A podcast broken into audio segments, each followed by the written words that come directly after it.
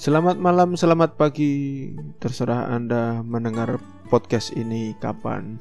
Ya, selamat hari yang cerah bersama aku Boy Podcast Pelebur Resah.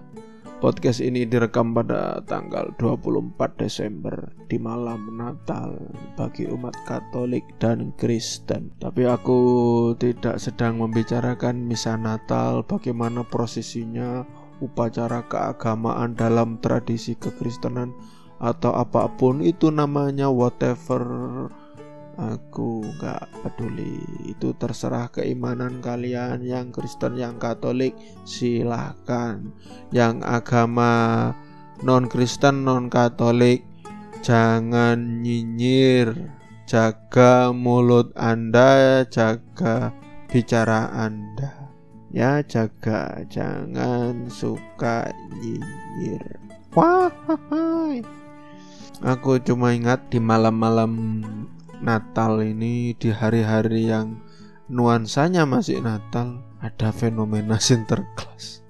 Di mana-mana di TV di media-media gambarnya pohon Natal ada sinterklasnya. Ada yang bilang itu fiktif atau fakta. Realitasnya banyak yang dandan sinterklas entah itu manusia yang uh, jadi apa sinterklas KW atau hanya patung apa seperti manekin yang di apa, dihias jadi sinterklas atau gimana. Ternyata yang aku temukan di berbagai sumber di media sinterklas dan Santa Claus itu beda. Ternyata aku pikir sama Aku pikir Sinterklas itu bagian dari bahasa Indonesia-nya dari Santa Claus. Ternyata aku keliru. oh ya, sebelum aku melanjutkan ngomong panjang lebar, jangan lupa ya subscribe, follow, uh, share, bagikan ke seluruh tetangga, sahabat, saudara, siapa pun kekasih, siapa pun. bunyikan lonceng notifikasi nanti uh, ikuti aku di podcast pelebur setiap Rabu dan Sabtu. Oke, lanjut pembahasan. Sinterklas populer di Belanda, sedangkan Santa Claus itu populer di film-film Hollywood Amerika. Dan sempat Santa Claus itu jadi brand uh, Coca-Cola, kalau tidak salah brand Coca-Cola. Mungkin itu yang menyebabkan Santa Claus itu juga berwarna merah gitu. Ciri-cirinya Santa Claus Sinterklas ini sama, mirip, mirip ya, sorry, mirip, sama-sama berbaju merah. E, cuma yang Sinterklas itu seperti jubah gitu, seperti pakaian apa e, pendeta Katolik, dan sedangkan Santa Claus itu seperti pakaian salju, pakaian musim dingin yang tebal, ada bulu-bulunya uh, Sinterklas itu pakai mahkota pendeta sedangkan Santa Claus itu pakai topi yang kerucut itu yang ada bulat putih itu. Namun yang jelas sama-sama berjenggot putih lebat. Hmm. Apakah jenggot ini menjurus pada agama mayoritas Jangan memancing kerusuhan. ya nggak harus lah. Jenggot itu kan hanya identitas. Jenggot tidak pernah beragama. Apakah kumis dan jenggot, bulu hidung, bulu kaki, bulu tangan, bulu dada, bulu rambut, dan bulu-bulu bulu yang di itu beragama ya nggak tahu Nanti dikatakan cerita Santa Claus ini terinspirasi dari Santo Nicholas hidup di kota Mira, kota Yunani kuno, sekarang itu bagian dari Turki yang entah sebenarnya Santo Nicholas ini orang Yunani atau orang Turki, nggak tahu juga. Ada juga yang mengaitkan mitologi Viking itu yang katanya itu sebenarnya Santa Claus atau Sinterklas itu apa dewa Odin. Ada yang bilang seperti itu. Tapi ya tidak tahu apakah itu benar atau salah itu terserah anda saya kembalikan lagi. Dan mungkin masih banyak lagi fakta-fakta yang sebenarnya siapa sebenarnya siapa mungkin. Ya mungkin Santa Claus itu sebenarnya orang Indonesia atau orang Cina mungkin. Mungkin orang India saya tidak tahu. Ya silakan yang berteori yang mungkin silakan komen hmm, tapi tapi tapi tapi Yang menarik adalah Sinterklas ini Santa Claus suka bagi-bagi kado masa-masa Natal.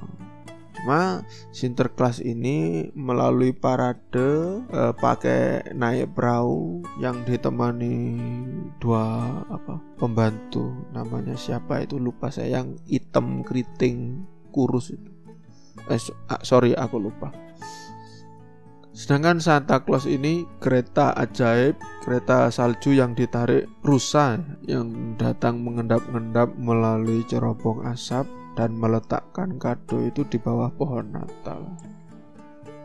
Nah, sedangkan anak-anak yang nakal tidak dapat hadiah dan mendapatkan hukuman unik seperti dicoret mukanya itu dengan arang sebagai tanda dia tidak apa tidak bukan anak yang baik dan ada yang konon di dimasukkan ke dalam karung. Nah, itu sebenarnya Mungkin tujuannya cerita ini dibangun mungkin untuk mendidik anak-anak agar tidak nakal, agar taat beragama. Ini asumsi saja, asumsi saja.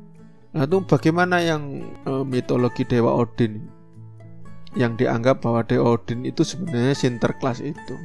Menurutku ini terlalu jauh ya. Tapi ini ini hanya menurutku ini asumsiku aja karena memang ada kemirik kehidupan tingkah lakunya di bagian ketika uh, ketika di malam Natal itu untuk menyambut Sinterklas di sebelah perapian diletakkan kue dan susu. Nah, ada cerita dalam mitologi Viking, Dewa Odin itu malam-malam suka jalan-jalan e, minum susu dan apa makan gitu mencari makan di sebuah rumah tertentu yang dia pilih gitu. masalahnya dalam mitologi Viking tujuannya bukan untuk men, apa, memberi hadiah kepada anak-anak tapi untuk membuat anak. Di sensor apanya yang disensor terlepas dari fiktif atau fakta kisah ini yang jelas ini suatu budaya yang dibangun dengan kesan berbagi kebahagiaan. Meski kemudian berbagi hadiah tidak harus Santa Claus atau Sinterklas, tidak harus menunggu datangnya keajaiban. Bisa saja hadiah kebahagiaan datang dari saudara, sahabat, atau pasangan hidup Anda, atau mungkin uh, orang tua Anda, anak-anak Anda. Uniknya budaya si Sinterklas ini sampai sekarang selalu jadi ikon yang mengiringi kemeriahan Natal yang sakral di saat malam Natal. Uh, singkatnya, doa di malam hari ada sedekah kasih sayang, saling memberi, saling menerima di pagi hari. Malam yang indah yang hikmat di malam Natal dilanjutkan dengan pagi yang penuh keceriaan dan kasih sayang. Itu yang aku tangkap dari Natal-Natal yang pernah aku lihat, aku saksikan. Nah, kenapa perayaan Natal di Indonesia masih penuh dengan ketegangan pengamanan polisi, kekhawatiran akan tindakan radikal atau teror? Tadi aku lihat di berita ada gereja yang didatangi dijaga oleh polisi, oleh banser. Terima kasih pada para banser NU yang mau menjaga ketertiban juga. Terima kasih menunjukkan uh, warga Islam NU cukup dewasa dalam melihat uh, mengayomi minoritas Kristen dan Katolik. Terima kasih. Saya mewakili siapa ini? Terima kasih. mewakili diri sendiri saja. Oke. Ngomong apa tadi saya ya? Nah, penjagaan-penjagaan penyisiran di gereja dengan kemungkinan mencari barang-barang yang bahaya yang intinya mungkin mencari apa ya eh, sesuatu yang bisa mengakibatkan nyawa seseorang terancam yaitu um, tit ya itu menunjukkan bahwa radikalisme, terorisme, ekstremisme, kekejaman di Indonesia masih belum tuntas. Semoga di Natal tahun tahun lagi tahun depan dan Natal termasuk Natal tahun ini adalah Natal yang damai yang melahirkan Natal-Natal yang damai. Juga masih ada daerah Indonesia yang hanya memperbolehkan Natal, merayakan Natal di tempat yang pemerintah setempat tunjuk. Jadi tidak ada perayaan di ruang-ruang yang tidak diizinkan yang ini kesannya menyulitkan gitu. Aku cukup prihatin sih dengan ini. Sepertinya tidak begitu diterima gitu. Apalagi sampai tadi sore masih ada yang bertanya, bagaimana hukumnya mengucapkan selamat Natal? Ya tergantung agamamu opo, agama Anda itu apa? Anda Islam, Hindu, Buddha, Konghucu atau apa? Nah, kalau Kristen Katolik ya bisa jadi wajib karena kan itu keimanan mereka sendiri, bukan keimanan Anda. Tanpa menyangkut kitab apa pun dalam agama di dunia, kata selamat dan kata sesudahnya sangat luas maknanya. Misal, selamat pagi, ini bisa jadi diartikan bahwa selamat hari sudah pagi atau selamat hari telah pagi karena pada malamnya telah mimpi buruk. Belum fix artinya apa belum jelas sebenarnya. Selamat selamat pagi itu mengarah ke, ke ke mana? Apakah selamat pada orangnya yang diucapkan atau selamat pada dirinya atau selamat pada mereka berdua atau selamat pada alamnya yang sudah pagi nah kalau selamat Natal bagaimana ya tergantung konotasi konotasinya apa maka pertanyaannya adalah apakah hanya dengan berkata santun pada orang lain Anda akan berpindah agama, berpindah keimanan? Ya, itu iman apa tempe tahu? Apakah dengan senyum pada orang lain Anda jatuh cinta pada orang tersebut? Nah kalau Anda cowok senyum pada cowok berarti Anda hombrengke. Nah cewek sama cewek senyum berarti jatuh cinta gitu. Itu Victor apa bagaimana? Pikirannya itu loh. Yang jernih yang jelas. Mengomentari sebuah tata bahasa. Itu harus dengan sudut pandang budaya di daerah tersebut tidak bisa orang Arab mengkritisi bahasa Indonesia. Tidak bisa orang India mengkritisi bahasa Indonesia. Karena itu beda sudah beda budaya beda karakter bahasanya. Nggak pernah belajar bahasa Indonesia malah ngeritik-ngeritik bahasa Indonesia dengan dalih-dalih agama. Belajar dulu bahasa Indonesia yang benar jangan mengeluarkan hukum keagamaan logikanya dipakai mikir tindakan awal hanya di permukaan kelanjutan dari pembukaan perlahan menunjukkan segala hal dari yang tersembunyi secara tersurat ataupun tersirat. Seorang penipu akan berkata lemah lembut di awal di depan Anda, tapi kemudian dia akan mengambil keuntungan dengan jalan merampok atau mencuri dari Anda. Semoga perayaan Natal dan perayaan agama-agama lain di negeri ini tidak perlu lagi dijaga ketat polisi atau tentara, namun dijaga oleh seluruh lapisan bangsa ini, karena nantinya bangsa ini akan yakin perang debat agama itu hanya perilaku sampah kedunguan yang memperuncing pertikaian. Kenyataannya, orang-orang kejam kasar yang memperuncing pertikaian adalah mereka yang paling awal lari tunggang langgang meninggalkan medan perang. Pengecut dan angkuh berdalih dengan akrobat permainan kata yang memperkosa ayat pasal dalam agama dalam kitab suci mereka. Coba aja Anda perhatikan, banyak sekali channel-channel di YouTube yang menghujat agama-agama lain. Jangankan menafsirkan kitab suci agama orang lain, agama lain lah dia menafsirkan agama kitab suci agama dia sendiri saja salah-salah, nggak bener. Apalagi menafsirkan kitab suci agama lain. Ini logikanya dipakai apa enggak?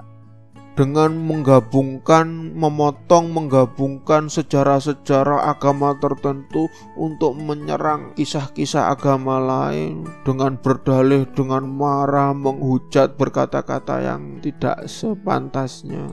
Ini apa-apaan?